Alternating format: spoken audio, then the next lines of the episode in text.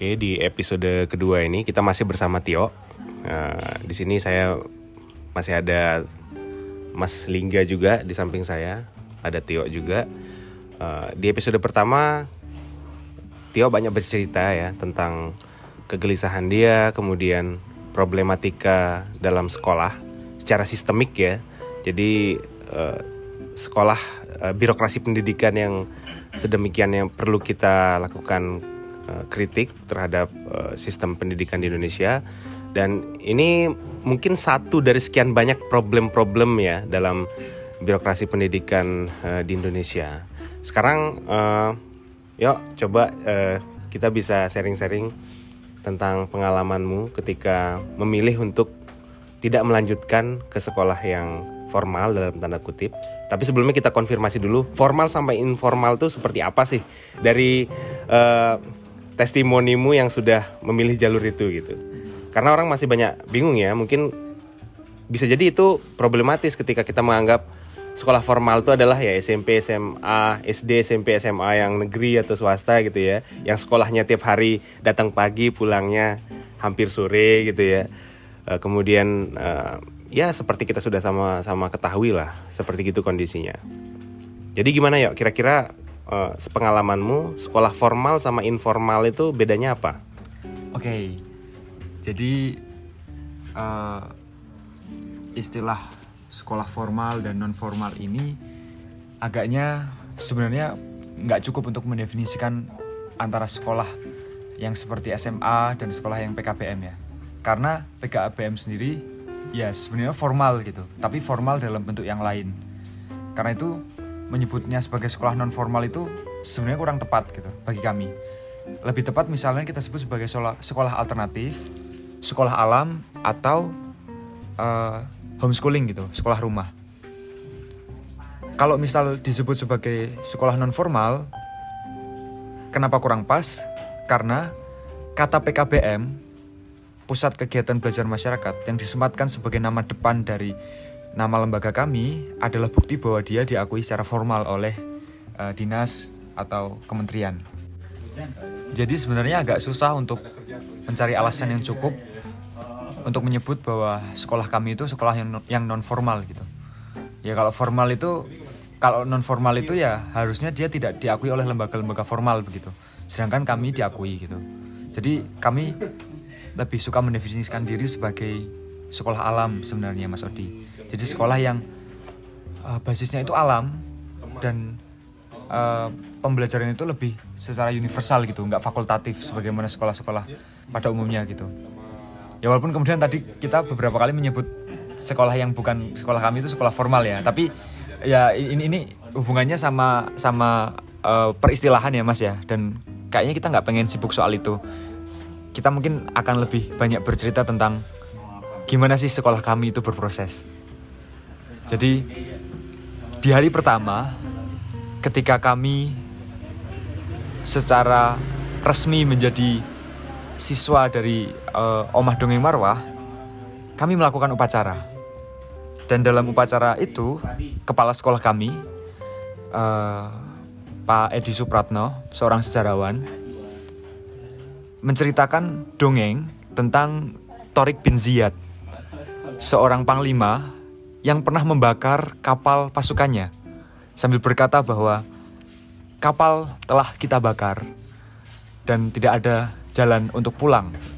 Maka jalan satu-satunya adalah membuat Spanyol atau Andalusia waktu itu menjadi rumah bagi kita. Jadi hanya ada dua pilihan, memenangkan perang ini atau mati itu yang diucap didongengkan oleh kepala sekolah kami dan itu sebenarnya didongengkan untuk memberi semangat kepada kami yang telah membakar kapal yang bernama kesempatan untuk bersekolah secara formal. Jadi kami seolah-olah telah membakar sebagaimana Torik bin Ziyad dulu membakar kapalnya. Dan kami hanya punya kesempatan untuk menatap masa depan, memenangkannya atau atau mati gitu itu diucapkan dan hari pertama adalah hari yang sangat mendebarkan bagi kami karena ini adalah suatu keputusan besar gitu yang mungkin jarang ada anak muda mungkin hanya 10% begitu anak muda yang uh, memutuskan untuk seperti ini dan di hari pertama pula kami menerima uh, satu naskah. Jadi Mas Odi yang perlu diketahui adalah sekolah kami itu sangat uh, mengutamakan yang namanya bakat dan minat atau rencana. Buktinya apa? Beberapa minggu atau beberapa bulan, saya lupa angka pastinya, sebelum kami hari pertama masuk sekolah, kami melakukan tes bakat minat secara psikologis. Jadi kami dites IQ-nya, kami dites uh, kecenderungannya, dan itu semua uh, tersusun secara sistematis oleh lembaga uh, oleh ahli gitu.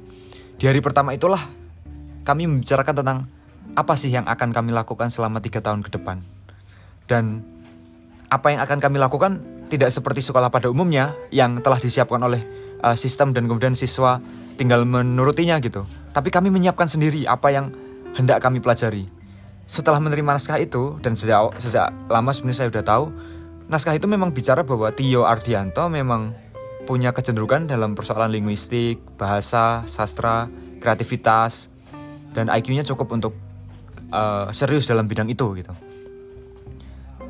Kemudian uh, apa yang saya lakukan ketika itu? Yang saya lakukan adalah mengunduh kurikulum mata kuliah yang ada di jurusan sastra Indonesia di salah satu universitas di Jogja. Jadi saya uh, mengunduh kurikulumnya begitu dan saya jadikan peta pelajaran selama tiga tahun. Jadi kamu yang nentuin peta. Iya iya itu yang yang Tio tentuin selama tiga tahun mau belajar apa gitu. Nah uh, mata kuliah yang ada di uh, salah satu universitas itu di jurusan sastra Indonesia itu Tio jadikan poin-poin gitu.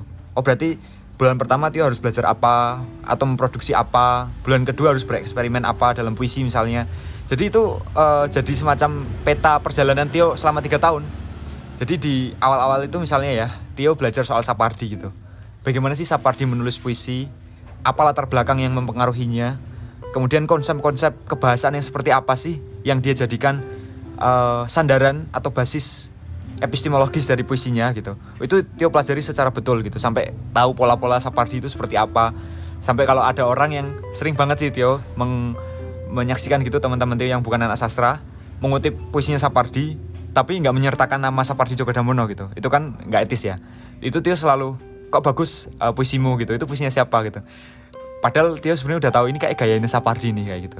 Termasuk kemudian Tio beranjak ke misalnya Aan Mansur kemudian ke Joko Pinurbo ke ke penyair-penyair lain gitu. Sebagai bagian dari tadi kurikulum yang Tio unduh uh, sebagai sebagai tiga tahun ini belajar apa. Tapi itu soal kontennya ya. Nanti kita ngomong soal metode dan medianya.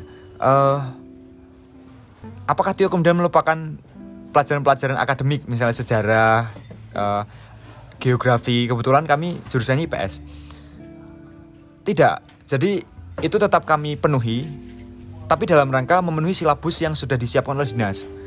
Jadi kami tidak secara sepenuhnya menentang apa yang telah di di siapkan oleh dinas sebagai sesuatu yang harus dipenuhi gitu. Karena bukan apa-apa karena kami mampu gitu loh untuk untuk mempelajarinya sekaligus gitu.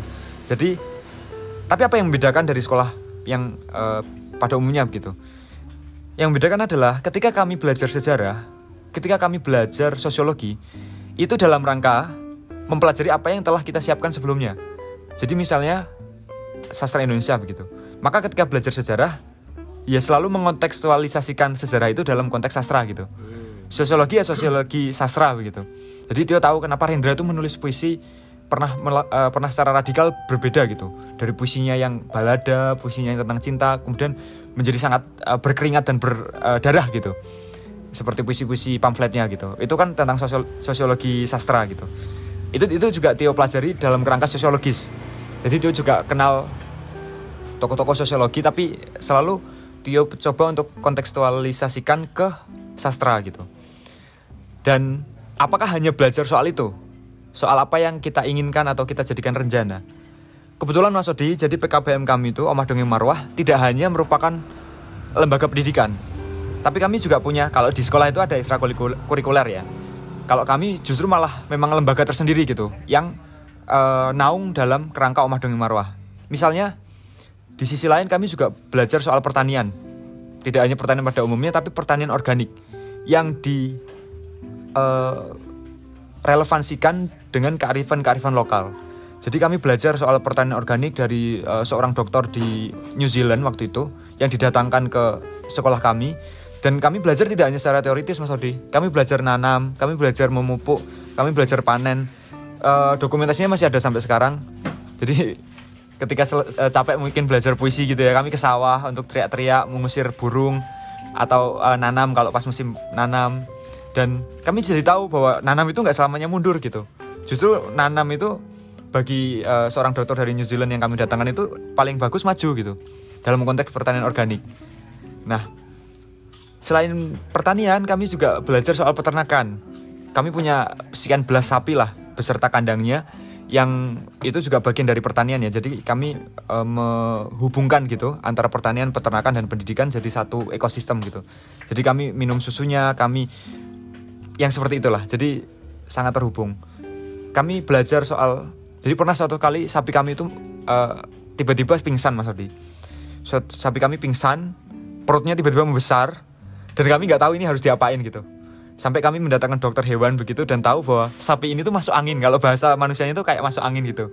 Dan caranya untuk menyembuhkan masuk anginnya itu adalah dengan uh, merogoh atau merogoh memasuki ini duburnya dengan tangan gitu. Iya artinya supaya duburnya itu lebar dan anginnya keluar gitu kalau nggak bisa dengan gitu dengan terpaksa ya harus menusuk perutnya gitu supaya anginnya keluar kalau nggak begitu ya sapi itu akan mati dan kami akan rugi sekian sekian juta kan waktu itu nah uh, kami juga punya klinik kesehatan mas Odi yang kesehatannya juga bukan kesehatan dokter ya tapi uh, ya kesehatan alternatif barangkali ya yang namanya itu Gria Balur Muria Gria Balur Muria itu basisnya dua. Yang pertama adalah kopi, yang kedua adalah rokok.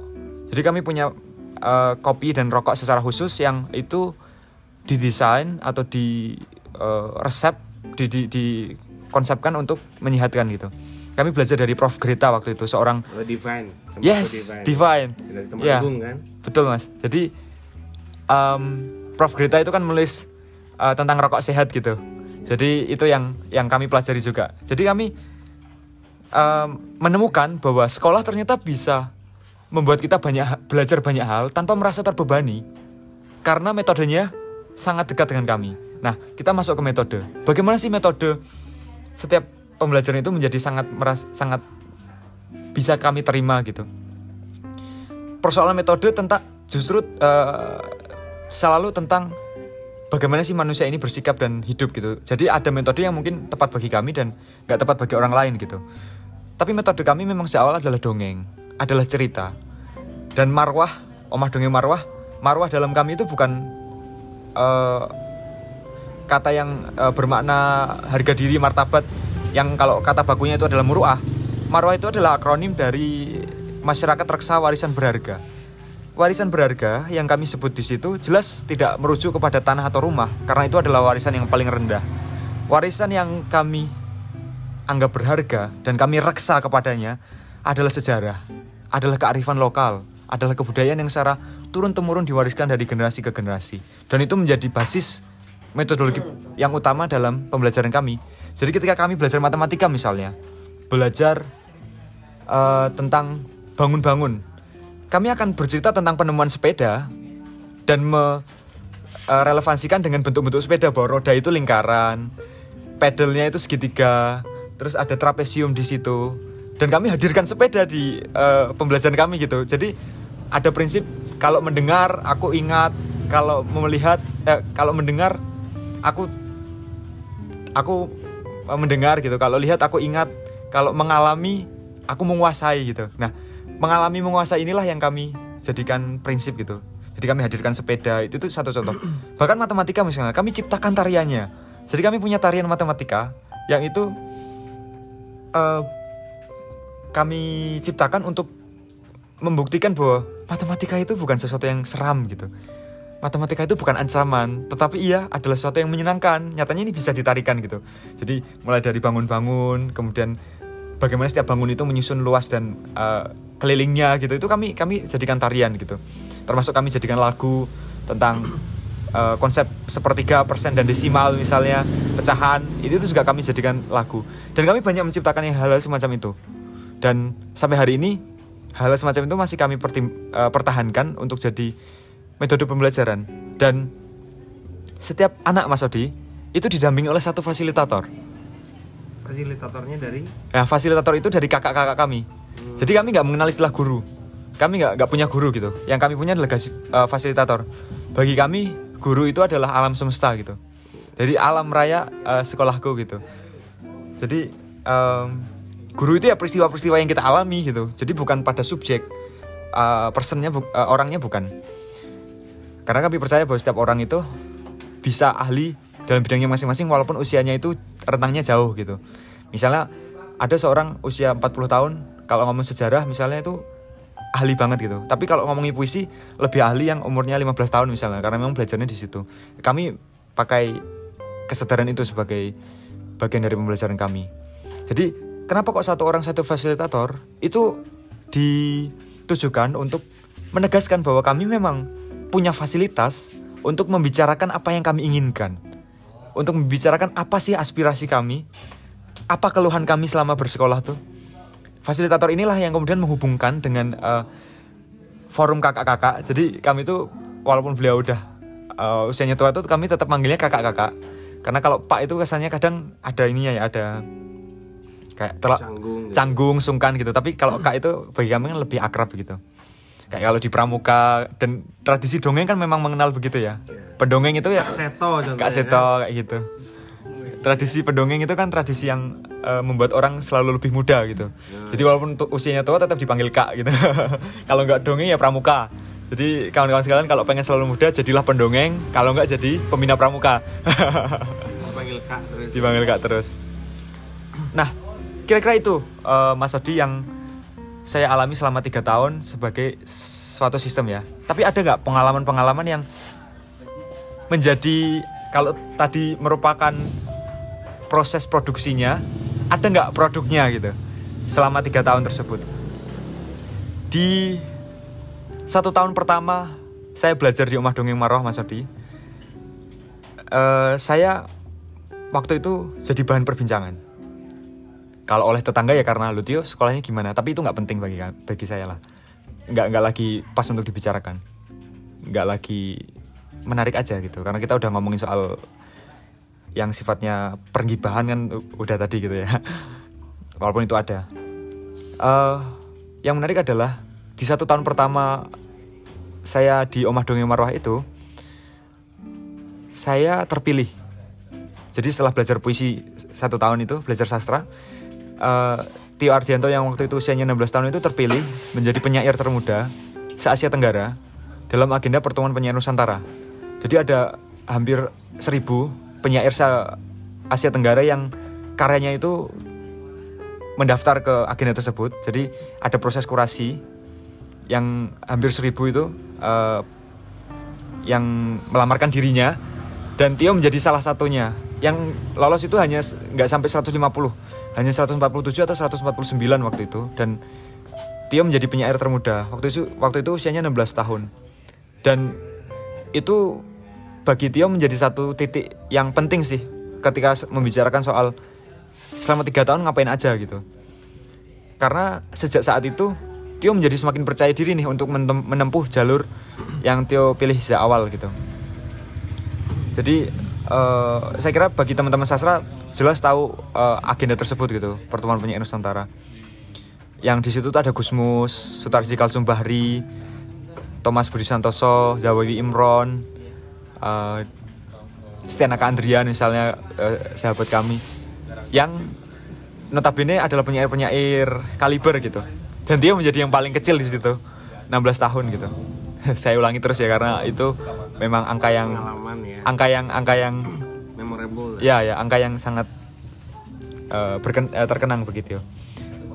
Selain itu, dia juga banyak eh, mementaskan teater, membuat film, melanjutkan apa yang sebelumnya bersama teman-teman Tio eh, lakukan gitu dan bahkan eh, kami di bu- semester pertama, artinya di semester pertama itu kan berarti eh, Juli sampai Desember ya. Di semester pertama itu kami em, bekerja sama dengan Kementerian Pendidikan dan Kebudayaan untuk menyusun atau memproduksi satu iklan layanan masyarakat Mas Odi. dan iklan layanan masyarakat itu sepenuhnya itu kami yang menjadi krunya gitu jadi produsernya itu saya sutradaranya itu teman saya jadi kami kelas 1 SMA itu belajar berkomunikasi dengan uh, bapak ibu pegawai kementerian untuk ngomongin soal jadi kami belajar gimana sih laporan itu dibuat kami belajar gimana proposal itu diajukan kami belajar uh, bagaimana berbahasa dan berkomunikasi yang baik dengan orang-orang yang punya jabatan begitu. Dan itu proses yang proses yang cukup cukup apa ya kami merasa kalau di sekolah formal agaknya jarang deh. Eh, proses-proses uh, semacam ini itu ada gitu kecuali mungkin kayak SMK ada praktek lapangan ya, ya, ya. PKL uh, biasa mereka PKL-nya misalnya di instansi pemerintah atau di kampus gitu kan. Hmm. Yang misalnya itu sesuai kejuruan misalnya yang fokus di administrasi publik, administrasi perkantoran kan biasa di SMK ada penjurusan itu kan. Jadi mereka semacam magang. Ya. Tapi kalau di sekolah alam ini memang sudah otomatis tersedia ya hal semacam itu ya. Jadi dari uh, apa yang diakomodir oleh SMA konvensional kemudian oleh SMK itu ada juga ya di sekolah apa sekolah alam itu. Mungkin kita sekarang harus menyebut omah dongeng ya mas ya. Yeah. Karena sekolah alam kan jenisnya omah dongeng. Biar teman-teman juga uh, akan akan ingat itu. Um, proses-proses di omah dongeng itu meskipun kami jalani secara kolektif, tapi tetap uh, merupakan perjalanan eh, masing-masing uh, individu tergantung rencananya tadi jadi misalnya nih, kita sedang memproduksi satu pementasan teater. Jadi kami pernah mementaskan teater judulnya Anang Ing Muria bekerja sama dengan Forum Apresiasi Sastra dan Budaya Kudus dan Bakti Budaya Jarum Foundation waktu itu. Dan itu uh, kami semua yang melakukan komunikasinya gitu mas. Kayak um, waktu itu saya sutradaranya, teman kami banyak yang kemudian aktor, ada yang. Nah proses kolektif itu selalu merupakan akumulasi dari proses individual. Jadi ada teman kami misalnya yang rencananya adalah musik, maka dia menjadi uh, editor musik di situ. Ada yang menjadi uh, suka berekspresi atau suka uh, rias gitu, dia jadi rias di situ. Nah, proses kolektif ini kenapa kok perlu saya ceritakan karena ya bukan berarti kalau proses kreatif tentang teater semua orang didesain untuk menjadi seorang teatrawan gitu. Tapi berangkat dari kamu bisa apa sih? Jadi kalau bahasanya Putu Wijaya itu berangkat dari yang ada gitu. Nah dari yang ada itulah kami formulasikan menjadi pementasan teater. Dan gak cuma cuma teater gitu. Kalau film tadi udah sempat saya ceritakan ya. Tapi kami juga membuat uh, banyak agenda-agenda gitu, diskusi kebudayaan. Selama Ramadan misalnya kami pernah buat kayak ngaji ngelilir namanya. Kami datangkan uh, budayawan untuk diskusi dan waktu itu jadi program saya gitu, program yang saya ajukan. Yang menarik adalah dan mungkin ini jadi uh, stigma banyak orang ya. Tadi juga Mas Odi sempat menyebutkan bahwa sekolah alam itu hanya untuk orang-orang kaya gitu. Hanya untuk orang-orang yang punya keistimewaan secara finansial gitu. Mungkin nggak salah, karena SPP kami dibandingkan SMK terbaik yang ada di Kudus, itu memang lebih mahal. Nggak perlu kami sebut angkanya lah ya. Memang lebih mahal gitu per bulannya tetapi ada sistem yang bagi kami membuat angka tersebut jadi ter, jadi nggak mahal gitu. Sistem semacam sistem semacam apakah itu? Yaitu sistem apresiasi. Jadi setiap kami Mas Odi ketika punya pencapaian, prestasi atau karya dalam satu bulan, maka itu akan bisa membuat SPP kami turun. Jadi misalnya kami membuat satu karya atau satu pencapaian atau satu, satu prestasi gitu, itu bisa didiskon 50% sampai 5% bahkan. Dan itu angka yang angka yang cukup lah untuk untuk merasa bahwa ini kami diapresiasi gitu. Dan bahkan kalau kami buat karya yang sampai apa kuantitas dan kualitasnya bagus gitu loh itu bisa sampai digratiskan gitu di di di omah dongeng itu jadi kalau di oke okay, mungkin kita mengenal sistem in, insentif gitu ya mas ya. Tapi e, kami insentifnya kira-kira semacam itu. Jadi ya nggak salah kalau ada yang bilang bahwa omah dongeng itu nggak murah tapi harus tahu sistemnya dulu gitu. Kenapa itu dibuat gak murah? Pertama ya sebenarnya itu bagi kami ya yang udah lulus itu itu sistem untuk supaya kami terpi, terpacu untuk berkarya dan berprestasi gitu. Jadi kami nggak pernah punya waktu yang kosong tanpa karya dan tanpa ya tanpa karya gitu atau tanpa prestasi gitu. Selalu ada minimal satu bulan satu karya satu prestasi yang secara uh, kualitas itu dikurasi oleh kakak-kakak kami dan kami layak mendapatkan uh, insentif tersebut atau keringanan tersebut. Kira-kira itu Mas Odi Oke kan eh, teman-teman di situ berapa berapa orang eh, jumlah siswa per angkatannya? ketika saya menjadi angkatan pertama satu kelas kami hanya ada lima orang mas Odi jadi satu sekolah itu isinya lima orang lima orang itu adalah anak-anak eh, paket C jadi sangat apa ya sangat sedikit orang di situ sehingga proses belajarnya itu justru semakin intim Oke. Eh, selain intimate-nya ya. Tapi kan lima orang itu sedikit loh itu ya. Sementara kan kalau kita sekolah di sekolah konvensional di situ ada banyak satu angkatan tuh ada banyak orang dan kita bisa melakukan ha- banyak hal ya, terutama bermain misalnya main futsal atau apa gitu. Nah, eh, selama tiga tahun kamu sekolah di situ, itu ada nggak kayak perasaan kira-kira gimana ya rasanya SMA konvensional gitu atau jenuh ya namanya manusiawi ya. Meskipun sebagus apa pun dikemas sekolah alam ini namanya tadi apa? Omah dongeng. Omah dongeng ini ya. Se menarik apa pun dikemas omah dongeng ini.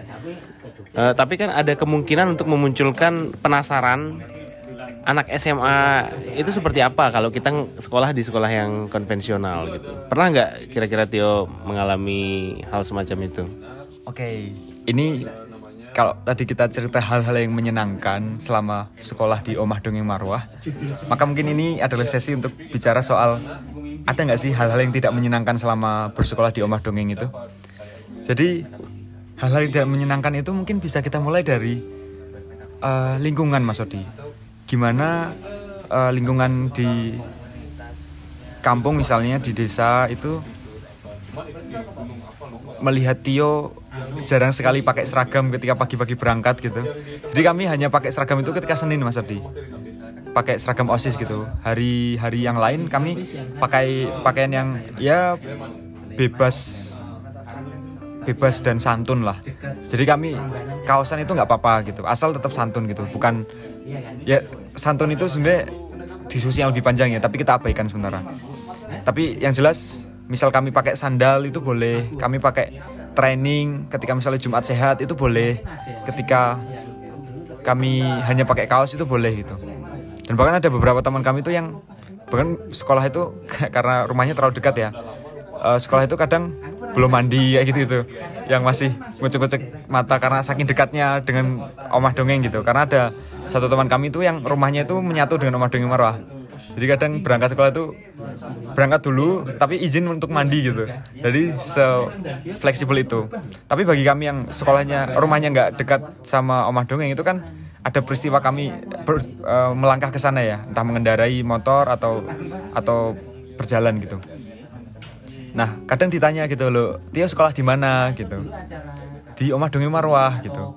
Itu selalu menjadi pertanyaan yang sebenarnya orang itu tanya ingin tahu atau hanya formalitas pertanyaannya gitu loh. Kayak kalau kayak kita lebaran itu ditanya sekarang Tio kelas berapa? Itu kan antara orang beneran ingin tahu atau itu formalitas yang biasa orang ucapkan gitu. Dan em, yang menarik adalah ada beberapa tetangga yang ketika Tio menyebut Omah Dongeng Marwah, ijazah paket C, sekolah alam itu selalu wajahnya berubah gitu. Ekspresinya berubah. Dari yang dulu menatap Tio dengan antusias dan merasa Tio ini adalah orang yang kelak bakal jadi kebanggaan desa gitu itu bakal berubah jadi aduh kok milih jalan yang seperti itu gitu. Karena selama SD dan SMP itu memang Tio dikenal sebagai anak yang eh, apa ya anak yang ah, terlalu sombong untuk bilang kreatif atau berprestasi tapi yang jelas mereka punya impresi yang baik lah atas Tio gitu. Dan itu itu satu apa ya hal yang tidak menyenangkan gitu. Tapi Tio tetap merasa bahwa itu adalah bumbu yang harus dialami gitu. Itu proses pendewasaan. Dan saya Tio jelas bersyukur karena mengalami peristiwa semacam itu gitu. Peristiwa yang bagi anak-anak usia 16 sampai 18 tahun waktu itu mungkin nggak mengalaminya gitu. Dan Tio jadi punya referensi nih ketika mengalami hal semacam itu bagaimana cara uh, mendamaikan dengan diri. Itu satu. Kemudian kejenuhan yang lain terlihat dari yang tadi Mas Odi sampaikan. Kalau hanya berlima gimana sosialisasinya gitu? Kayak hubungan pertemanannya seperti apa gitu? Dan Tio jelas uh, merasakan satu satu hal yang paling membedakan gitu. Jadi Tio tuh nggak punya cinta monyet di SMA mas. Jadi nggak ada tuh cinta monyet yang kayak deketin cewek terus setelah deketin nembak kayak gitu tuh nggak ada gitu di referensi Tio tuh ketika SMA karena teman-teman Tio berlima itu bukan nggak ada yang menarik tapi mereka sudah sudah temennya Tio yang sangat temen gitu loh. Kalau pacaran sama mereka itu udah nggak menarik lagi gitu karena sudah saking dekatnya gitu. Dan jadi Tio nggak punya nggak punya cinlok gitu ketika SMA tapi bagi Tio itu itu nggak masalah gitu nah kalau soal pertemanan bagaimana? Nah kebetulan Mas Odi walaupun Tio di sekolah itu hanya lima orang tapi Tio cukup aktif untuk uh, berjejaring dengan komunitas-komunitas lain gitu. Dengan jaringan-jaringan yang terkait misalnya dalam persoalan seni, sastra, budaya dan gak hanya di Kudus tapi Jawa Tengah, uh, Jogja dan Jakarta gitu. Jadi Tio berjejaring misalnya kalau di Kendal itu ada pelataran sastra Kaliwungu kalau di uh, Jakarta itu ada Hari Puisi Indonesia kalau di Jogja itu ada uh, ngopi nyastro begitu. Tio mulai berjejaring dengan mereka dan justru um, proses ini membuat Tio merasa mampu mengkurasi teman mana sih yang sesuai dengan rencana Tio gitu. Dan itu bagi Tio adalah sesuatu yang penting gitu. Karena bertemu terlalu banyak teman yang punya uh, dunia yang berbeda-beda kalau kita nggak berhasil memproporsionalkan mereka dalam pikiran dan perasaan kita maka bagi Tio itu suatu ancaman kalau kita akan merasa punya terlalu banyak referensi tentang dunia yang kita anggap ideal gitu bagi rencana kita gitu. Kayak kalau terlalu banyak teman dan semua dekat gitu. Karena siapa kita itu kan seorang orang bijak berkata bahwa siapa kita tergantung siapa teman kita gitu. Jadi dia justru merasa selain bahwa ada kesepian ya kesepian karena kadang kalau bertemu alumni alumni SMP gitu ya ada yang mereka ada sesuatu yang mereka bicarakan yang Tio itu nggak bisa ikut nimbrung gitu. Yang Tio itu nggak punya referensi untuk berbicara hal semacam itu gitu. Nggak punya pengalaman juga gitu. Sebagaimana Tio juga terlalu punya banyak hal yang kalau Tio uh, bicarakan sama mereka mereka juga nggak bisa uh, secara maksimal atau optimal untuk uh, nyambung gitu karena pengalamannya berbeda. Cuma bagi Tio itu adalah soal tadi pendewasaan proses pendewasaan karena semakin bertemu orang yang berbeda dan Tio berusaha untuk menceritakan perbedaan itu itu bagi kami belajar soal bicara publik belajar komunikasi public speaking lah bahasa Inggrisnya. Nah maka uh, ada nggak kejenuhan yang lain gitu? Uh, nggak cuma kejenuhan sebenarnya tapi keresahan bahkan setitik penyesalan itu pernah muncul mas Odi dan puncaknya ada ketika Tio uh, kelas 3 SMA di kelas 3 di Omah Dongeng Marwah. Jadi ketika kelas 3 itu bulan Desember Tio uh, berada dalam ketegangan antara memilih kuliah dan tidak. Jadi itu kelas 3 kan penentuan nih. Ini mau kuliah atau tidak gitu. Awalnya Tio merasa bahwa kuliah itu tidak diperlukan karena proses-proses dalam kuliah itu Tio rasa sudah Tio lakukan selama tiga tahun di Omah Dongeng gitu. Sebagaimana Tio sudah meng, uh, nyerap mata kuliah yang ada di uh, sastra Indonesia tadi sebagai bahan kajian Tio gitu, bahan riset Tio. Jadi Tio merasa kalau uh, kuliah itu hanya akan membuang waktu, bahwa kuliah itu hanya akan mengulang apa yang telah Tio lakukan gitu. Tapi Tio tidak orang yang kemudian uh, kalau sudah punya pikiran berhenti membicarakannya ya. Tio juga menguji apa yang telah Tio pikirkan, apa yang Tio telah yakini gitu apakah yang selama ini Tio lakukan di Omah Dongeng adalah apa yang Tio akan terima di kuliah gitu. Setelah perbincangan panjang, Tio sadar bahwa Tio harus kuliah dan memilih filsafat. Dan memilih filsafat. Tetapi sebelum bicara soal itu, bagaimana Tio kemudian memilih kenapa memilih harus kuliah gitu? Yang pertama karena eh, mungkin sedikit ya anak-anak yang ijazahnya paket C kemudian memutuskan kuliah. Eh, karena eh, beberapa yang ijazah paket C itu ya untuk kesetaraan saja gitu. Jadi karena dia sudah eh, cukup dewasa dan kemudian butuh ijazah paket C untuk kerjaannya dan tidak eh, memilih untuk kuliah. Jadi ya walaupun tetap banyak juga yang eh, ijazah paket C kemudian kuliah seperti anak-anak pondok pesantren gitu kan banyak juga anak-anak pondok pesantren keren yang kemudian eh, ijazahnya itu paket C tapi em, kita asumsikan bahwa eh, kita andaikan Tio ingin kuliah karena ingin membuktikan bahwa anak ijazah paket C itu bisa kuliah. Dan tidak hanya kuliah gitu tidak hanya sekedar kuliah tapi juga kuliah di universitas yang punya punya kalau kita bilang punya nama seolah yang lain nggak punya nama ya. Tapi secara legitimasi umum kampus tersebut punya kredibilitas yang yang tertinggi lah di antara eh, universitas yang lain gitu. Karena itu yang Tio kejar waktu itu adalah UI atau UGM gitu nggak mau yang lain meskipun kemudian Tio daftar UIN ya sebagai cadangan tapi itu itu cadangan gitu dan ketika Tio memutuskan milih UGM atau enggak UIN, Tio sadar bahwa jalan yang tentu, Tio tempuh ini bukan jalan yang mudah. Selama tiga tahun, Tio hampir minim belajar apa yang di SBM itu diujikan. Seperti geografi, kalau sejarah lumayan lah karena itu bagian dari sastra, atau sosiologi, ekonomi apalagi itu itu jarang sekali Tio pelajari gitu. Walaupun tetap sebagai silabus itu tetap Tio tempuh ya, tapi kemudian sadar bahwa itu yang akan diujikan dalam SBMPTN karena kalau di SNMPTN itu belum bisa. Di SBMPTN itu itu sesuatu yang Tio sadar bahwa ini harus diperjuangkan gitu. Dan Tio hanya berjuang selama tiga bulan Mas Odi sejak Januari jadi Desember itu memutuskan Januari sampai April sampai Maret itu belajar April awal kalau nggak salah itu Tio kemudian eh, dalam ujian SBMPTN dan selama tiga bulan itulah puncak penyesalan Tio Mas Adi. Puncak penyesalannya adalah karena Tio merasa sudah jadi sudah naksir nih sama UGM atau UI. Setelah sudah naksir merasa bahwa bahan yang Tio punya untuk mendapatkannya itu kok rasanya nggak cukup ya? Melalui SBM itu. Kayak Tio harus berjuang sangat keras eh, mempelajari apa yang teman-teman Tio pelajari selama tiga tahun dalam sekolah formal gitu. Dan dia hanya punya waktu tiga bulan. Tapi dan dia berpikir andai saja. Penyesalan itu kan selalu diawali dengan kata andai saja.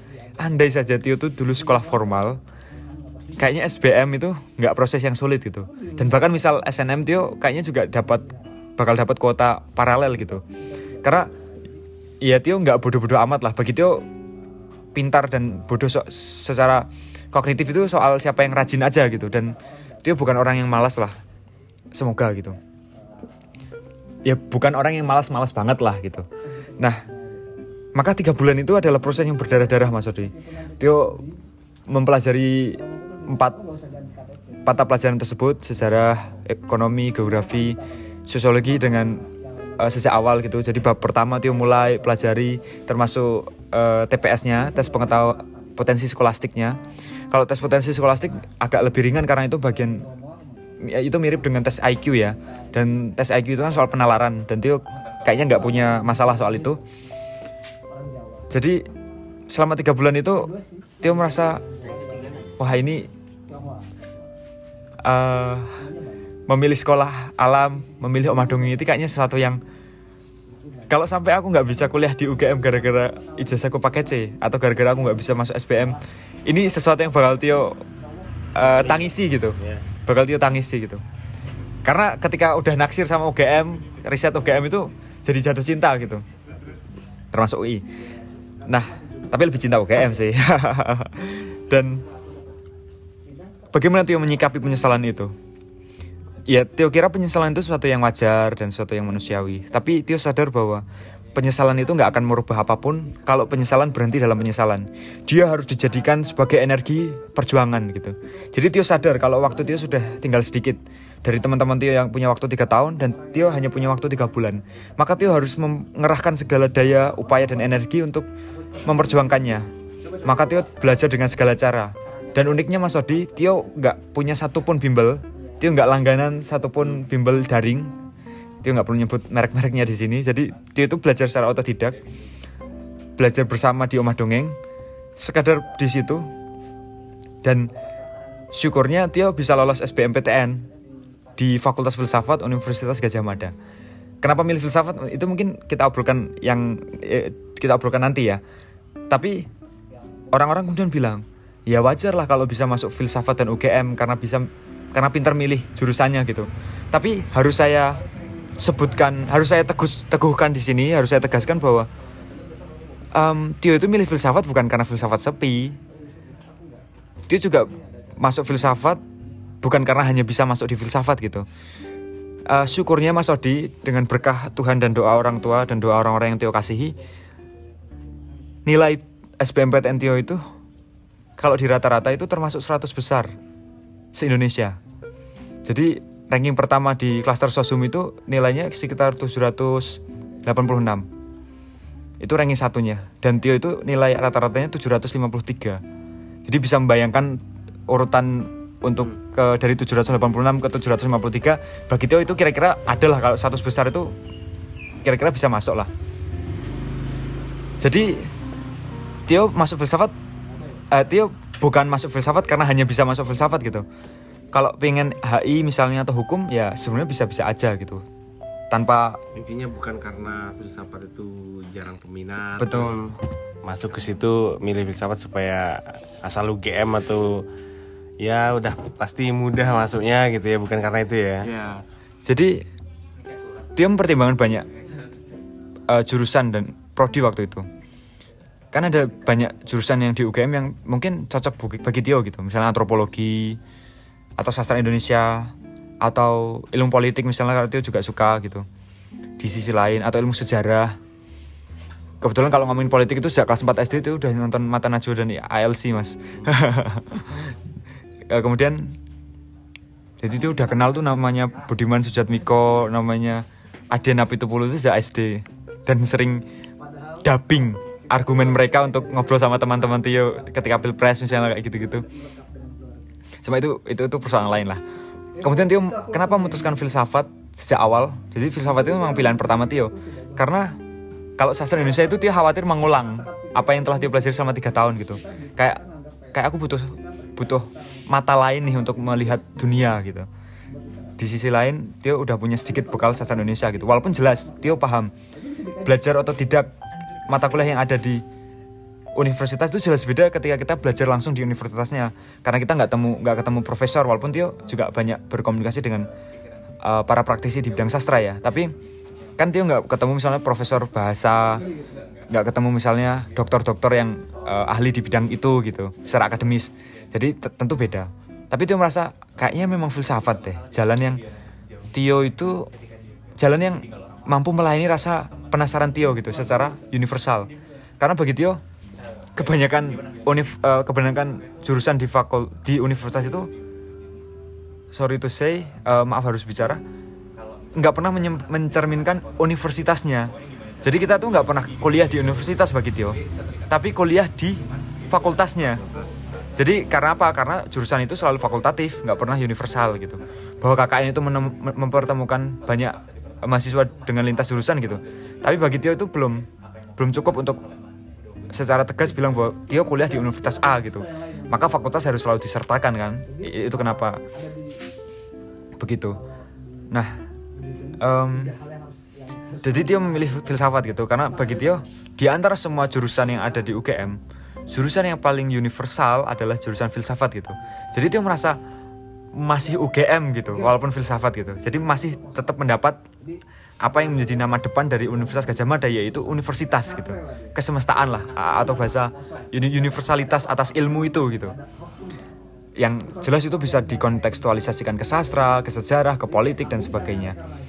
Dan penyesalan Tio tadi yang membuat Tio berdarah dan berkeringat untuk mengejar SBM itu jadi Tio tahu nih uh, akhirnya kenapa Tuhan waktu itu tiga tahun lalu menyuruh Tio untuk milih Omah Dongeng gitu sebagai sekolah lanjutan.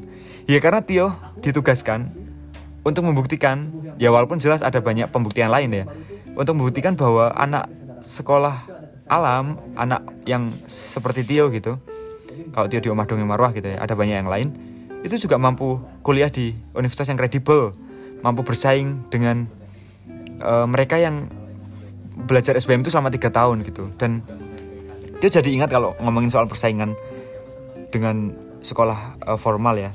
Jadi dia pernah masuk di uh, menjadi juara satu dalam lomba baca puisi nasional se Indonesia yang um, waktu itu pesertanya itu ada 4000 yang dibagi dalam jenjang SMA, SMP dan SD dan Tio menang yang juara uh, jenjang SMA gitu dan ketika diumumkan itu yang juara satu itu uh, jadi Tio Ardianto gitu. Bawahnya itu bukan SMA apa atau SMK apa gitu. Tapi PKBM Dongi Marwah.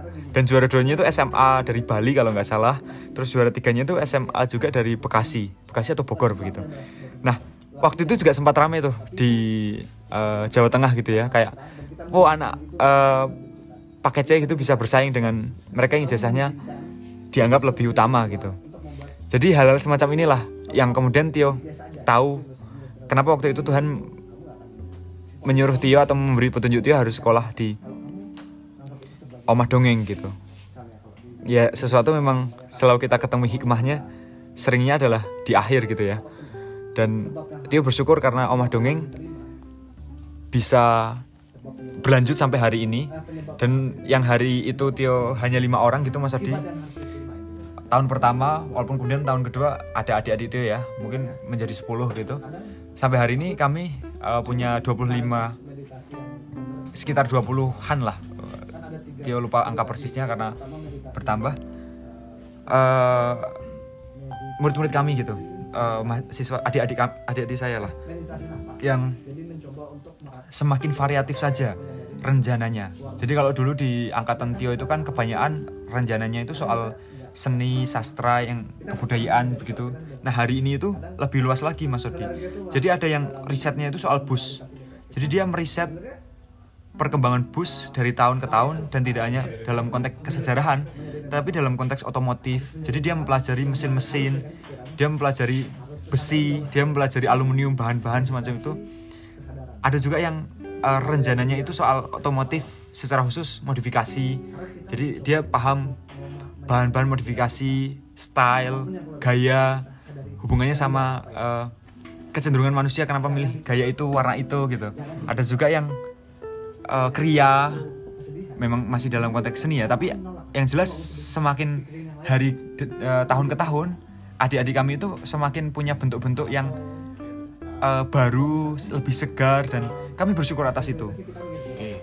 Jadi uh, ibaratnya beragam ya uh, dari passionnya tadi atau rencananya itu kemudian itu diakomodir oleh uh, omah dongeng ini ya Oke, mungkin ini sebagai penutup ya. Uh, artinya tadi banyak link diceritakan ya, Mas Lingga terkait dengan ini masuk dalam testimoni sebetulnya artinya kita mendengarkan uh, kisah atau pengalaman langsung dari uh, Tio yang sudah mengenyam pendidikan di sekolah alam yang bernama Omah Dongeng itu gitu.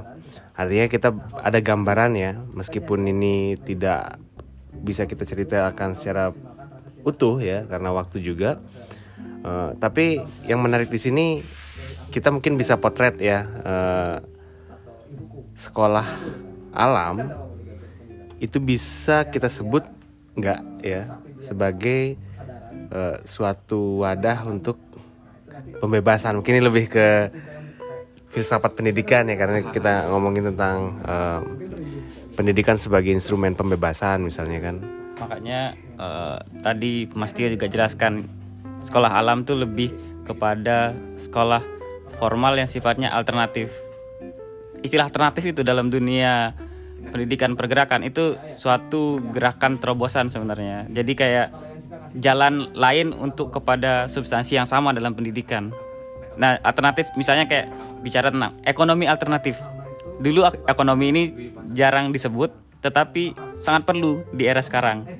Nah, itu tuh istilah alternatif tuh sebenarnya ada semangat untuk mendobrak kebiasaan lama yang dianggap uh, kurang menguntungkan bagi sebagian pihak yang terpinggirkan itu menjadi suatu gerakan istilah istilah alternatif tuh kemudian sering dipakai beberapa aktivis dan sebagainya untuk me- memperlihatkan progresivitas mereka dibandingkan dengan eh, tradisi-tradisi lama itu sih itu menarik di situ ketika bicara eh, sekolah alam sebagai gerakan pendidikan alternatif itu mas Rodi Oke, eh, sekolah alam sebagai pendidikan alternatif ya.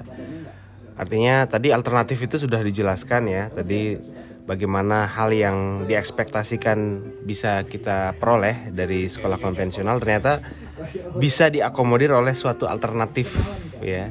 Sekolah alternatif ini gitu. Oke, eh, nanti bisa kita lanjutkan lagi ya diskusi-diskusinya. Eh, untuk penutup misalnya Tio ya, terkait dengan teman-teman yang masih SMP mungkin ya atau eh, pendengar yang terutama S dari SMP mungkin SMA gitu. Kalau tertarik pada orang tuanya justru Ya, terutama misalnya yang mendengarkan ini orang tua yang memiliki anak ya. atau bahkan berencana punya anak dan Iya. Nah, Iya, jadi per- rencana jangka panjang ya. Jadi ada gambaran alternatif ketika kita dibingungkan dengan birokrasi pendidikan yang mungkin masih eh, belum jelas gitu ya atau masih banyak PR. Eh, silahkan dikasih penutup Tio untuk sesi ini eh, terkait hal tersebut. Oke, em, yang pertama mungkin Tio harus ngucapin terima kasih dulu ya sama Omah Dongeng. Kalau Tio boleh nyebut eh, ayah-ayah kami, ayah dan ibu kami misalnya kepada Pak Hasan Aoni, Pak Edi Supratno, Bu Dwi, kakak-kakak, Kak Ulin, Kak Arif, eh, Kak Nafis, Kak Nova, Kak Satria, em, Kak Diwa, ya. Kenapa kami menyebutkan nama-nama ini karena kami punya tradisi dan hubungan relas re- eh, hubungan batin yang kuat. Jadi ini mungkin agaknya menggelikan gitu ya kayak di forum semacam ini menyebutkan nama-nama kayak lagi menyampaikan salam di radio saja. Tapi itu bagian dari kenapa itu Tio sebutkan bagian dari Tio menegaskan bahwa hubungan kami dengan kakak-kakak kami itu sedalam itu gitu. Bahkan sampai hari ini kami masih berhubungan dengan sangat baik. Kami masih suka ngobrol banyak gitu. Jadi itu yang pertama Tio ingin ucapkan gitu. Dan kalau ngomongin soal gerakan pendidikan alternatif itu sebenarnya kami juga harus mengapresiasi ya dengan banyak terobosan-terobosan yang diberikan oleh eh, Mas Menteri hari ini. Hubungannya sama konsep pendidikan gitu. Bagaimana Mas Menteri berupaya untuk eh, menjadikan sekolah itu sesuatu yang merdeka gitu. Walaupun tetap kalau kami diminta untuk mengkritisi itu juga banyak hal yang perlu kami kritisi gitu. Cuma eh, kami kira itu bukan eh, prioritas dari pembicaraan di sesi penutup ini gitu tapi eh, teman-teman sekalian kiranya Tio sudah menjelaskan bagaimana proses-proses eh, pengalaman selama berada di sekolah Omah Dongeng Marwah gitu dan itu jelas tidak cukup sebenarnya untuk me- merangkum seluruh yang Tio alami gitu. Jadi sifatnya fragmen saja gitu. Fragmen yang lebih besar ya akan kita temukan di dialog-dialog selanjutnya gitu, di pertemuan-pertemuan atau di pertanyaan-pertanyaan. Nah, tapi yang jelas bahwa bila ada teman-teman yang mengalami hal yang mungkin eh, kita sama-sama mengalaminya gitu. Mungkin kita pernah eh, tidak diapresiasi oleh sekolah kita, kita pernah tidak merasa tidak diakomodasi eh, pertanyaan-pertanyaan kita di sekolah gitu. Dan ini kembali kepada kita gitu eh, bagaimana kita memutuskan untuk eh, melayani kekecewaan itu gitu. Apakah dengan tetap berada di sekolah yang model yang sama sistem yang sama atau seperti saya gitu menempuh jalur alternatif yang bernama Omah Dongeng. Tapi yang jelas eh, memilih sekolah alam atau memilih sekolah formal itu sama-sama punya implikasinya gitu. Kami menyadari bahwa eh, mungkin tidak semua orang atau semua anak itu siap berada dalam sistem sekolah alam gitu. Karena hari ini mungkin banyak anak yang sudah terlalu terbiasa dalam sekolah formal gitu. Jadi akan ada usaha keras dalam dirinya untuk eh, siap di sekolah alam gitu. Tapi ini kemungkinan gitu. Karena apa? Karena kemandirian, kemudian kemauan untuk belajar, rasa penasaran, hasrat untuk bertanya yang menjadi basis utama dari eh, kenapa sekolah alam itu bisa berdiri dan anak-anak dan bagaimana ar- karakter anak-anaknya itu kadang eh, tidak diciptakan oleh sekolah formal gitu dan karena itu ketika mungkin pengen punya opsi ke sekolah alam ya tanyakan dulu kesiapannya gitu karena bisa jadi bumerang juga gitu ketika tidak siap gitu Ya mungkin podcast ini bisa jadi referensi salah satunya Ya, ya, untuk begitu. gambaran tentang sekolah alam, sekolah alternatif itu. betul dan tetapi eh, harus dijelaskan juga bahwa ya ketidaksiapan ini mau kita alami untuk sesuatu yang lebih baik atau mau kita biarkan dan kita tenggelam dalam eh, sistem yang selama ini berlaku atau tidak gitu. Itu kan soal penawaran yang dua-duanya punya implikasi masing-masing gitu. Keduanya sama-sama menawarkan hal yang yaitu pilihan aja gitu. Tapi eh, saya adalah Tio adalah eh, salah satu mungkin bukti atau referensi bahwa pilihan semacam ini bisa kita tempuh dan ya inilah eh, apa yang telah Tio terima dari penawaran yang Tio ambil gitu.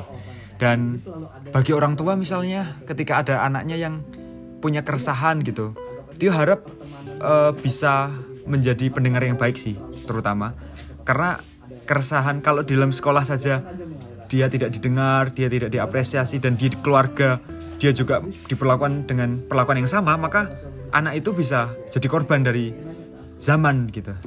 Jadi eh, keluarga kami harap bisa jadi tempat eh, bercerita yang baik. Pertama, yang kedua juga ketika misalnya anak mengalami hal yang Tio alami gitu, ya jangan ragu untuk menawarkan pilihan yang bernama sekolah alternatif gitu. Karena mungkin tidak semua anak punya referensi bahwa ternyata ada sekolah lain nih selain sekolah formal gitu dan selain pondok pesantren misalnya. Itu kan umum. Nah, referensi-referensi semacam ini juga Tio kira penting untuk diketahui oleh eh, anak, oleh siswa-siswa yang hari ini mungkin SD, SMP atau SMA atau orang tua juga atau orang yang berencana punya anak gitu. Yang jelas eh, kami juga percaya kalau sekolah yang utama adalah keluarga gitu. Jadi Tio bisa kemudian sekolah alternatif dengan cukup optimal ya karena keluarga Tio mendukung gitu. Kalau ini menjadi pilihan yang Tio tempuh sendiri tanpa dukungan keluarga, Tio kira juga nggak akan optimal hasilnya. Karena ini adalah keputusan yang tidak hanya menyangkut tentang diri sendiri, tapi juga tentang banyak pihak gitu. Ya walaupun kemudian yang menerima konsekuensinya yang paling besar kita sendiri ya. Saya kira itu dan eh, yang jelas ya obrolan ini nggak cukup. Jadi mari kita sisakan pertanyaan supaya Tuhan punya alasan untuk kembali mempertemukan. Sekian. Oke, makasih Theo uh, atas waktunya. Sangat uh, bermanfaat ya informasi yang disampaikan. Kita bisa punya gambaran tentang sekolah alternatif itu seperti apa, sekolah alam ya. Jadi di samping dari sekolah konvensional yang mungkin uh, orang tua ataupun anak punya semacam proyeksi diri yang bisa dituangkan dalam apa saja, termasuk sekolah konvensional ya tanpa mendiskredit ya tapi juga ada juga sekolah alternatif ternyata yang eh, setelah mendengar pemaparan Tio ternyata sekolah alternatif itu kita bisa diakomodir banyak hal gitu. Oke terima kasih waktunya Tio Mas Lingga juga Eh, kapan-kapan kita bisa ngobrol lagi. Oke.